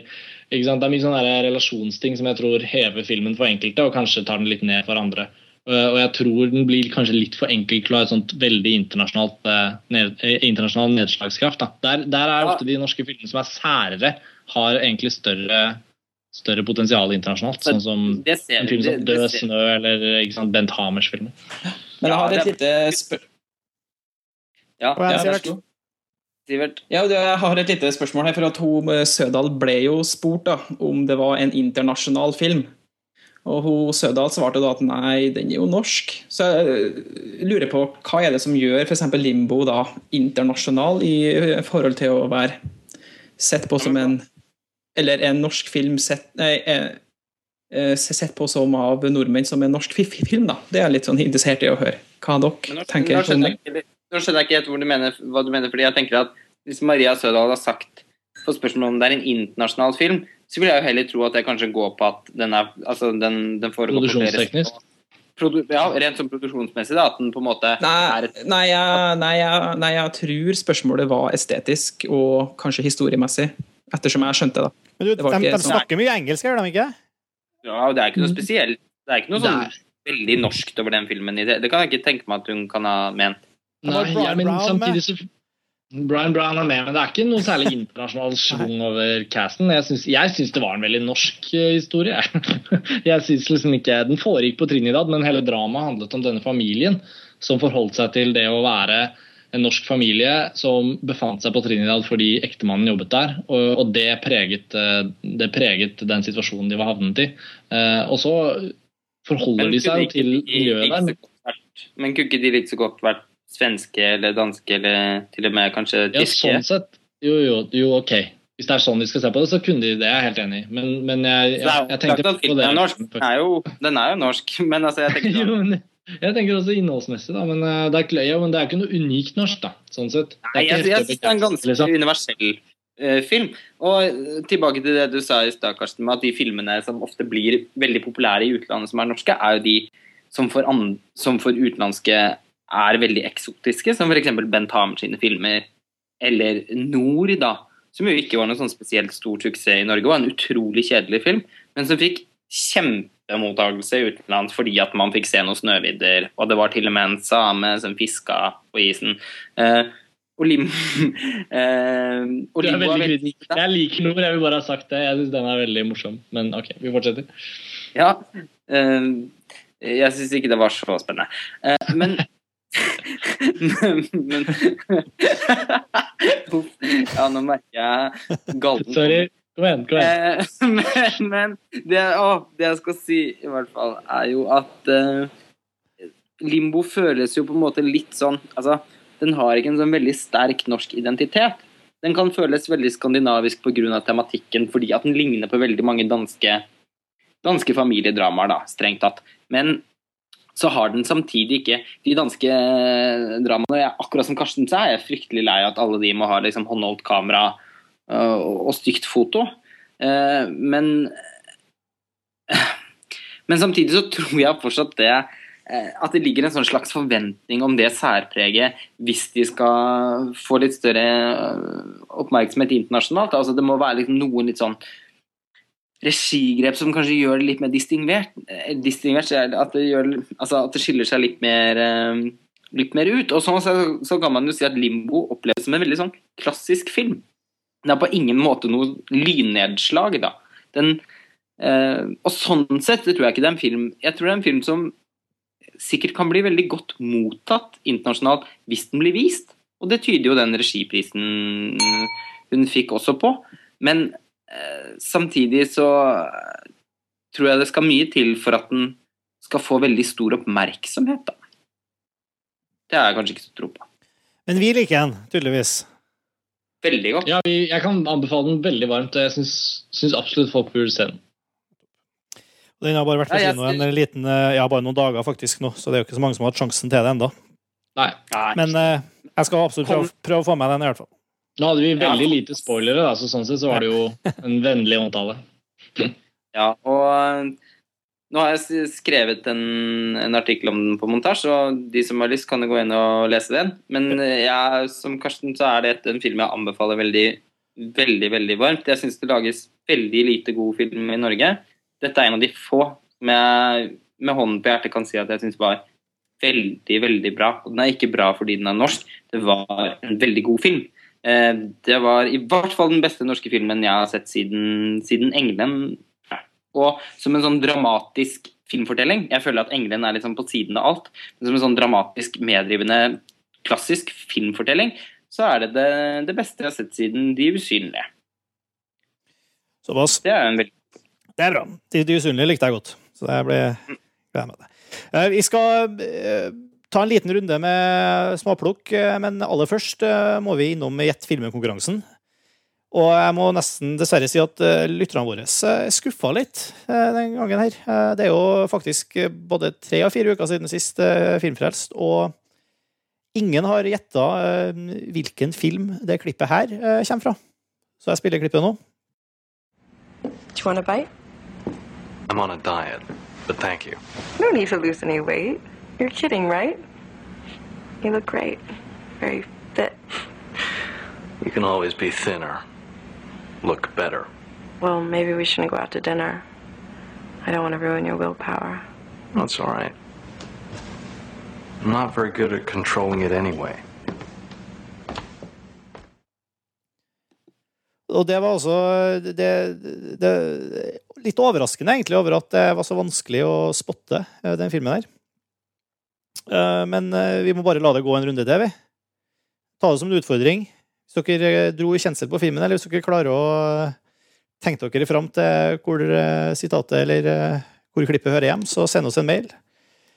Eh, Filmfrelst at montasj.no. Skriv eh, filmfrelst konkurranse konkurranse Filmfrelst 49 i emnefeltet, og så eh, oppgi tittelen på filmen, og eh, postadressen din, og uh, T-skjortestørrelsen din. Så hvis du gjetter riktig og, og blir, blir trukket ut, så skal vi sende deg en uh, montasje-T-skjorte.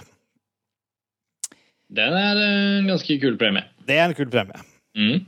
Uh, og det fins bare 48 av dem i. Det, vi, har, vi, har, vi, har, Et lite opplag. Ja, vi har et lite opplag. Det er begrensa. Limited edition. Så det. Um, ja, Armadillo Limbo, har dere sett noe annet i det siste? Jeg, jeg kan si at jeg har sett det ba- bare veldig kort. Eh, Min eh, største filmopplevelse siste uka har vel vært eh, Jeg fikk den ikke med meg da den gikk på kino, nemlig, eh, men nå har den kommet på DVD. Eh, Jeg har sett eh, A Single Man. Oi, Den, ja. den eh, falt jeg ganske pladask for. Så den eh, tror jeg glatt ender på eh, årets filmlista mi. Ja, den er jo veldig bra, syns jeg. Ja, så den eh, For alle andre som ikke fikk den med seg på kino, så er det absolutt verdt, eh, verdt å, å oppsøke den, altså. Både vond og, vond og god og, og pen å se på. Men kanskje litt for pen? Nei, jeg syns ikke det. den filmen så ut som en sånn Ja, jeg, jeg likte også filmen i og for seg, men jeg hadde veldig problemer med estetikken. Altså, vi snakket, Han snakket om estetikk og armadillo og alt det her. Ja. så hadde jeg faktisk litt problemer med estetikken i Single Man. Jeg syns at på en måte hele filmen så ut som en sånn slags homoerotisk parfymereklame. Ja, og det var det jeg likte så godt. Kroppen, Ja. som, som, slår, som slår tennis i sakte film, og store sånn altså Agora-gensere og jeg vet ikke hva Nei, jeg, jeg, jeg- svelget ikke den. Nei, jeg synes det, var, det var på ingen måte en eh, Det føltes ikke ut som en virkelig opplevelse. Men eh, Jeg er helt enig i det. Men eh, jeg likte det veldig godt likevel. Jeg syns det var en veldig, veldig severdig. Og det var jo litt sånn drømmende. Litt sånn hypnotisk i stilen. Ja, Det jeg kan skjønne det. Jeg, har lyst til å se filmen igjen. Det, er- det er en film jeg gleder meg til å se igjen. Og jeg håper at jeg liker den bedre andre gang. Fordi jeg pleier ofte å falle veldig for sånne overestetiserte filmer. Men det var, det var noe et eller annet der jeg ikke likte. Så vidt jeg har skjønt, så er det produksjonsdesignfolka fra Mad Men som har eh, stått bak, uh, bak det her. Men eh, greit. Eh, det var bare en liten anbefaling fra min del. Mm, jeg har ikke sett noe sånn veldig Limbo var vel den forrige filmen jeg så, så jeg har ikke noen sånn umiddelbar tung anbefaling å komme med. Jeg har vel, jeg har vel ting foran meg, tror jeg. Du har sett 'Mammut'? Jo, Mammut, ja. Så det er sant. Det var Den den forrige filmen jeg vi. så. Ja, ja, den så Lars Ole og jeg var og så Limbo samtidig, og, og så, så snakket vi om eh, Mammut av Lucas Modisson. Ja, vi snakka så litt om den i siste episode, faktisk. Ja, det gjorde vi. For da hadde jeg sett den. Du hadde sett den sånn, var det? Ja, det var et eller annet med Mammut. Jeg, jeg, jeg hadde i hvert fall ikke fått den med meg på kino. Og den har hengt der som en sånn irriterende sånn Jeg vil jo se Mammut, jeg hadde jo kjempelyst til å se den da den kom, og så ble det aldri til det. Så jeg ble sikkert litt sånn rammet av at den ble litt sånn antiklimaks da den kom. da. Folk hadde veldig høye forventninger, og så var det litt sånn Hva skjedde med Mammut, liksom? Så den har vi sett. Det var veldig bra, det også. Den syns jeg den tror jeg jeg hadde hatt enda større glede av på kino. Den gjorde ikke like sterkt inntrykk eh, på den lille DVD-skjermen, på en måte, men eh, det var, eh, det var eh, Du må kjøpe deg større TV, kanskje. Ja, Lars Ole må kjøpe seg større TV. Men, men, ja, ja. men den hadde jo absolutt, det er jo innholdsmessig selvfølgelig det, det som betyr noe. og og der tar den jo opp ting som, som også er litt vanskelig å se at gikk de fleste kritikerne hus forbi. Altså jeg syns den tar opp noe veldig i tiden. da. Kanskje på en overtydelig måte, men da kjenner de jo ikke Lukas Modisson. Han har jo en, eh, en teknikk som, eh, som er sånn formet som en knyttneve. Uh, og jeg syns denne, denne filmen var egentlig overraskende nyansert. da. Og jeg, Den har også blitt sammenlignet mye med Babel, og jeg syns denne her gjorde mye mer inntrykk på meg enn Babel. I hvert fall i forhold til at de dagene som har gått siden jeg så den, har vært fylt av ganske mange referanser til opplevelsen av å se Mammut da, av Lucas Modisson. Eh, De fleste vet kanskje hvilken film det er, men jeg tror veldig få har sett den. egentlig, fordi den, den har i hvert fall ikke vært noen sånn snakkis i min vennegjeng. Men nå har jeg sett den, så jeg likte den. Jeg vet ikke hvordan det var å se den igjen for tredje gang, jeg, eller hva det var. Lars Ole? Jo, bortsett fra at det var noe et eller annet veldig merkelig med kontrastinnstillingene på TV-en, som jeg nå har eh, skrudd ned. Ja, det var kanskje det. Ja. som var med på å gjøre bildesiden litt som feil. Eh, jo, så var det veldig, veldig Altså, jeg syns jo dette er, eh, var en av de beste filmene i fjor. Og det synes jeg fortsatt at det er. Men, men altså, Eh, Lars Ole, tredje gang. Jeg, jeg, jeg syns det, det var en veldig god film, jeg òg. Jeg jeg er litt usikker på hvor eh, lyst jeg har til å se den igjen nå, bare noen, en måned etter at jeg så den. Er det, den er jo veldig, den er jo veldig treg. Ja, den er veldig langsom. Mm. Men eh, samtidig syns jeg den er veldig sånn ladet da hele tiden. Jeg synes den Lukas Modersen er veldig god på å trykke der hvor jeg synes at det gjør vondt. Og Mammut gjør det. Og det er ikke det at jeg bare liksom liker å ha det så utrolig vondt, men, men jeg eh, syns at det er en film som på en måte sitter veldig rett sånn emosjonelt sett for meg. da. Det er en film jeg har utbytta å se flere ganger. Dessuten er det Jeg husker veldig godt når jeg hadde sett 'Mannen min' første gang, så syntes jeg at Jeg syntes den var veldig bra. Eh, men samtidig så var jeg litt usikker på hvor bra jeg syntes den var. Men i de månedene som fulgte, så var jo det en film som jeg ikke sluttet å tenke på, og som jeg hele tiden tenkte at denne her må jeg bare få sett igjen, for det var noe der. Den, den slapp meg ikke, da. Og når jeg da så den igjen når den kom på DVD, så syntes jeg jo at den var eh, fantastisk god. Eh, så det er jo en veldig sterk anbefaling fra meg også. Jeg er veldig glad for at Karsten har sett den. Vi får se hvordan den mørner seg. Ja. Nei, var, jeg syns det var veldig bra. Absolutt. Og Lukas Modisson er vel på mange måter kanskje til, på vei tilbake, da, hvis han har noen nye filmplaner. Det får vi håpe han har. Men, eh, men, han har jo tatt noen runder i løpet av sin filmografi og vært ute i det mest ekstreme. Nå har han vært i på en måte rammemessig kanskje det mest kommersielle. Da. Det ble jo ikke hans mest kommersielle film sånn rent inntjeningsmessig, men jeg syns jo han han gjør jo verden en liten tjeneste ved å, ved å, fortelle om ting som strekker seg utover hans veldig veldig av og til veldig veldig lille, snevre område i Sverige. Da. Nå har ikke jeg sett mitt, et hull i mitt hjerte ennå, men, men, jeg har sett Container. og Den var det interessant å se, men den var jo ikke for så veldig mange. Derfor er det gøy å, oppleve at han, han, han, viser interesse for et, en liksom større, et større lerret igjen, da, for å si det sånn. Og så men, er han eh, faktisk en, en filmhumanist. Da. Eh, det er ikke så mange av de. Eh, Lucas Modisson har virkelig som mål å fortelle verden noe med filmene sine, og det er noe jeg rett og slett bare liker.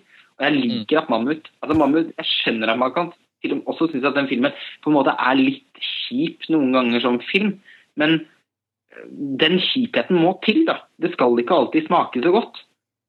Og Mammut eh, smaker ikke nødvendigvis alltid så godt, men den føles 100 sunn, da, syns jeg. Ja, og så har han på en måte et veldig tydelig budskap, men det er et budskap vi ikke ser så veldig mye av. da. Det, ja, eller, det, det er veldig bra. Mm. Ja, og den klarer å sy linjer mellom på en måte, altså Den tar opp mange ting på en gang, men uten at det blir sånn sjablongaktig. Den, den forsøker å si Selvfølgelig overtydelig med symbolikken med liksom, verden og, den, og elefanten og jeg vet ikke hva. Men som uh, Karsten, Karsten, sier, at altså, det er jo sånn Lukas Modisson er. Han er jo ganske plump. Og det er noe av det som er flott med han. Han lager jo Jeg synes jo, pleier jo å omtale Lukas Modisson som vår tids største ikonmaler. Jeg synes jo han alltid gjør ting med en sånn bibelsk tydelighet, da, som jeg setter fryktelig pris på. Og det gjør han også i Mammut. Og han er så pedagogisk også at han på en måte klarer å sy de ulike tingene han tar opp, sammen til en veldig sånn logisk og fattbar helhet. da måten han Altså den kapitalisme og konsumkritikken som ligger i Mammut, parallelt med måten vi utnytter mennesker i andre land på, samtidig som det også gjør at vi blir fremmedgjorte, og tidsklemma som gjør at vi ikke klarer å drive familien eh, sånn som den bør være lenger. Og igjen hva dette sier om likestillingen og kjønnene. Er det faktisk sunt at kjønnene har helt likt definerte roller? mister man noe på veien osv. Altså, han tar opp utrolig mye. Jeg synes nesten ikke, og det har jeg opplevd når jeg har sett filmen flere ganger, at jeg syns nesten ikke det er en scene i filmen som ikke forteller noe. Og det syns jeg er en, en, helt spesiell styrke. Mm. Har du sett den, Sivert? Nei, eh, dessverre. Jeg har ikke fått med meg den. På lista. Ja, den òg. ja, hva, eh, hva har du sett i det siste? Nei, Jeg har forsøkt å tilnærme meg den norske eh, filmen. For Jeg satt og tenkte en dag at uh, jeg har jo et absurd fordomsfullt uh, forhold til norsk film. Ja. Det er sånn at jeg søker unna det, at jeg nesten Ja, du kan se for deg hvordan uh, rasister opplever folk med mørk hud. Det er meg og norsk film. Så jeg har forsøkt å du led deg gjennom vår omtale av Limbo? på en måte. Nei, den så jeg jo klipp av, og den virka jo interessant, da, til tross for at jeg eh, har en sånn nedarva eh, eh, hat da, mot eh, norsk film. Mm. Men er det en spesiell opplevelse som ligger bak det her? Ja, det er jo da Eller jeg forsøker å skrive en artikkel om her, at jeg forsøker å analysere meg. Eh, men skal jeg gå tilbake til mine første minner om norsk film, så er det Pelle og, Pelle og uh, Proffen. Ja. Den første fra 1990. Eller, Døden på Oslo? Ja, Døden på Oslo ja. Jeg tror det var den som gjorde da det hatet. Eller ikke hatet, da, men at jeg fikk ekstreme fordommer imot det, for der har det jo trasig skuespill en sjargong som ikke i hvert fall jeg på den tida ikke fikk med meg, eller som ikke jeg var, hadde noe eh, kjennskap til. Du fiksa det bare ikke, Sivert? Nei, jeg takla ikke å preike med folk, nei. Og så handla det om Oslo, også rusmisbruk. Nå er en stakkars gutt på ni år fra, eh, fra utover Namsos aldri har hatt et forhold til. da. Men nå har han i hvert fall forsøkt å dykke litt inn i så i forgår så, så jeg en ganske snill mann av Hans Petter Moland. Og det Ja. virker som det lover bra, men jeg har jo fortsatt 70- og 80-tallet og 90-tallet igjen, da. Så vi får se om uh, mine uh, frykt eller mine fordommer stemmer, da. Så jeg er litt spent. Ja, Jeg skal ta Jeg har Mm. faktisk også nettopp sett En ganske snill mann. Ja. Eh, det bare et par dager siden. Det kom jo på DVD for ikke så lenge siden, tror jeg. Ja, det er bare en uke eller to siden. Ja. Eller nei, jeg- en uke siden, tror jeg. Ja. Nei, den, den likte jeg veldig godt. Ja, Jeg jeg gjorde det. eh. Jeg syns den var både veldig morsom, og den var samtidig også altså ganske sår. Og Mm. i tillegg litt spennende. Altså, jeg syns den hadde en veldig vellykket eh, sjangerblanding på det vis. da. Og den var, den, nei, det var, for, den var forfriskende og ordentlig morsom å se.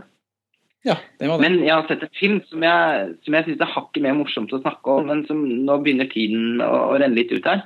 Men jeg må jo nevne at jeg var, og så, var på pressevisning i går og så 'Luftens siste mester'. Eller 'The Last Airbender', den nye filmen til M. Night Shyamalan. Ja, Shyamalan. Ja. Du er jo kjent som en eh, tegneseriefantast, Lars Ole. Den eh, hoppa du jo til, skjønner jeg. Det er, det er Jeg har ikke noe imot det. Uh, altså, jeg det- ja. Fortell. Nei, Var det- altså, jeg var det gøy? Mot det det. Hæ? Ja, nå får du meg inn på rett spor. Uh, ja, det var ganske gøy å se The Last Airbender. Uh, jeg vil jo beskrive den som en krysning mellom på en måte Jul i Blåfjell møter den, The Neverending Story.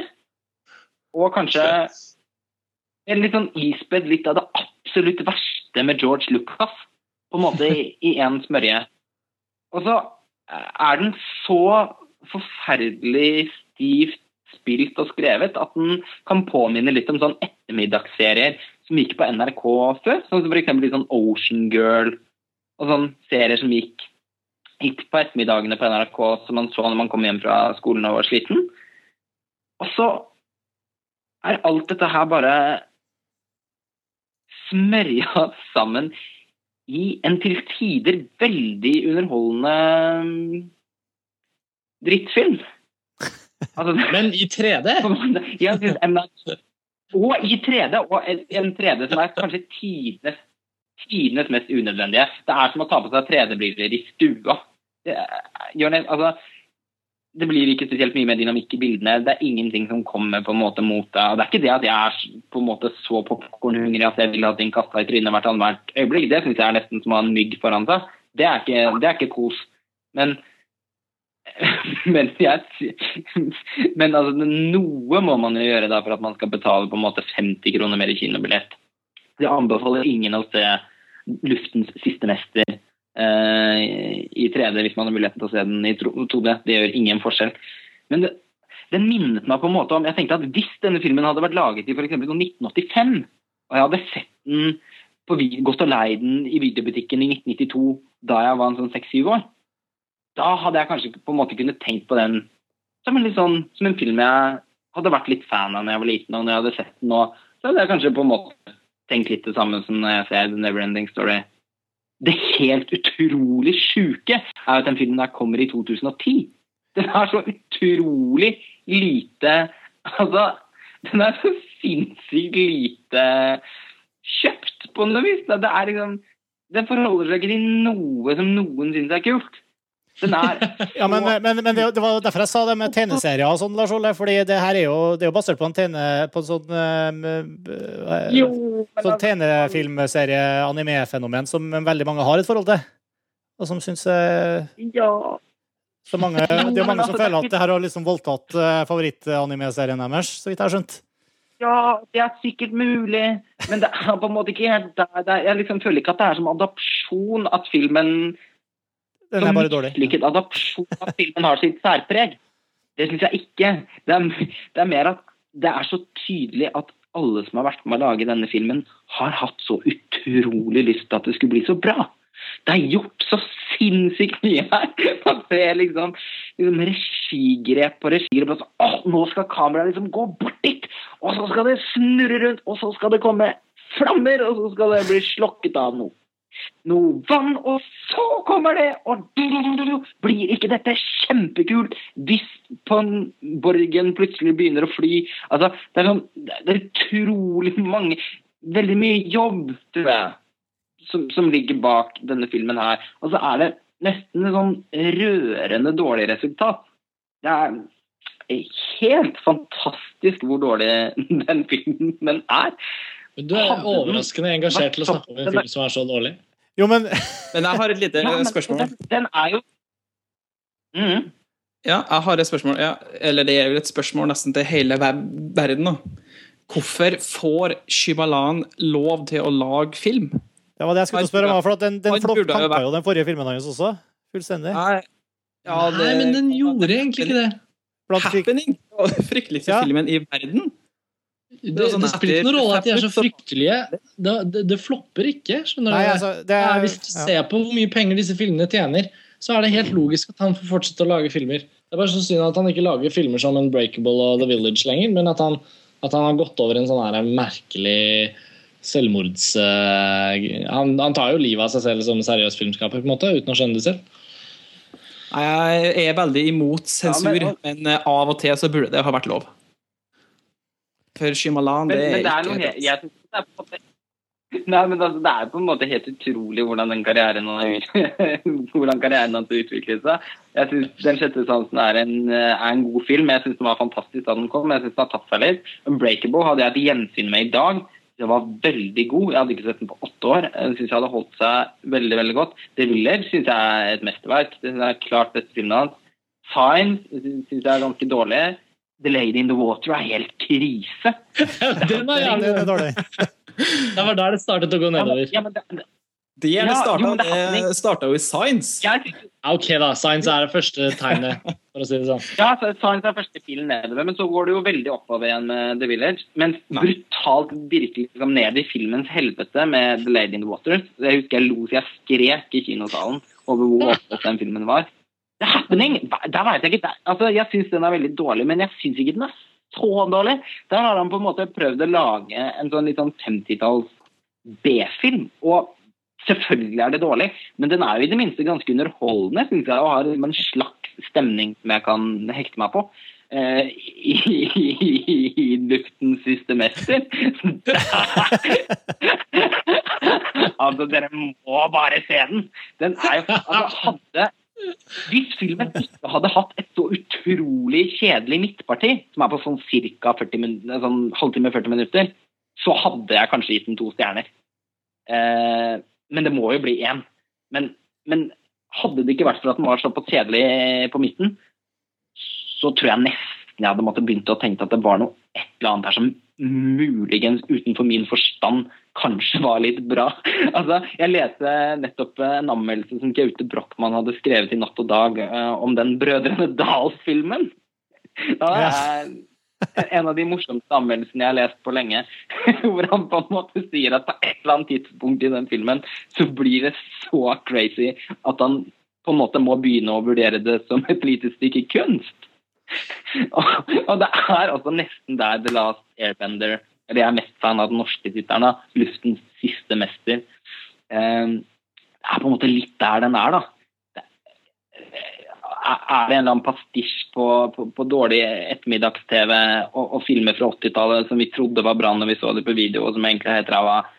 Og jeg vet jo selvfølgelig at det ikke er det, men og, og når man ser på den nye krøllete hårsveisen til M. Night Shyamalan, og så utrolig fårete han ser ut på de siste bildene som har tatt av han, så skjønner man jo at han er på vei altså rett inn i galskapen. Så jeg tror ikke noe av dette her er intensjonelt, men jeg klarer jo ikke å la være å fryde meg litt over det. Jeg, konklusjonen min er at jeg syns på et eller annet opp, utrolig obskurt grunnlag at filmen er ganske severdig. Han får eh, joine han eh, Felix, nå husker ikke jeg hva fornavnet han heter. Han som var i eh, The Gladiator. De to kan gå sammen i galskapen. Joaquin Phoenix, det hadde vært Ja. fantastisk. De har jobbet sammen flere ganger. Eller i hvert fall på The Science. Jo, og på The Village, ja. mm. Og det vil Så, min. så det hadde vært bra om Shyamalan nå gikk til Joaquin Phoenix, at de sammen kunne ta et sånt skikkelig Dypt Ja, i sånn la- kanskje, kanskje de må lage en remake av The Brown Bunny av Vincent Gallo. Din nach. Det hadde vært helt fantastisk. Det, det, det burde du dra til Hollywood for å pitche, Sivert. Jeg tror alle er nysgjerrig på hva de to gutta der skal gjøre neste gang. Alright. Uff, ja. Men eh, nå er, er jeg dessverre nødt til å Nå kommer besøket ditt. Nå har vi snakket lenge. Vi har snakka lenge nok. Helt klart. Eh, skal vi bare si takk for oss? Yes. Takk for oss. Takk for oss. Takk for praten, folkens. Takk for i kveld. Vi er tilbake om eh, to, tre, fire ukers tid. Da blir det episode 50. Vi får se hva vi gjør da. Alle sammen må huske på å sørge for at uh, Luftens siste mester får et helt ok besøkstall i Norge. Bare gå for. Ja, og les, trenger dere. yes. Yes. les Armadillo-omtalen til Karsten og Limbo-omtalen til Lars Ole. De er veldig bra, begge to. Vi høres. Hei så lenge. Ha det bra. Ha det. Ha det bra.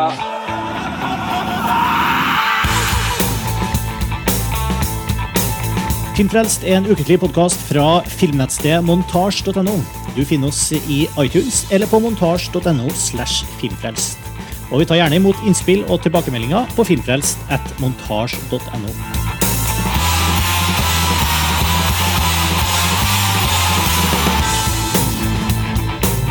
Og musikken du hører nå, er fra det norske bandet Ping. Hør mer på thepingpage.com.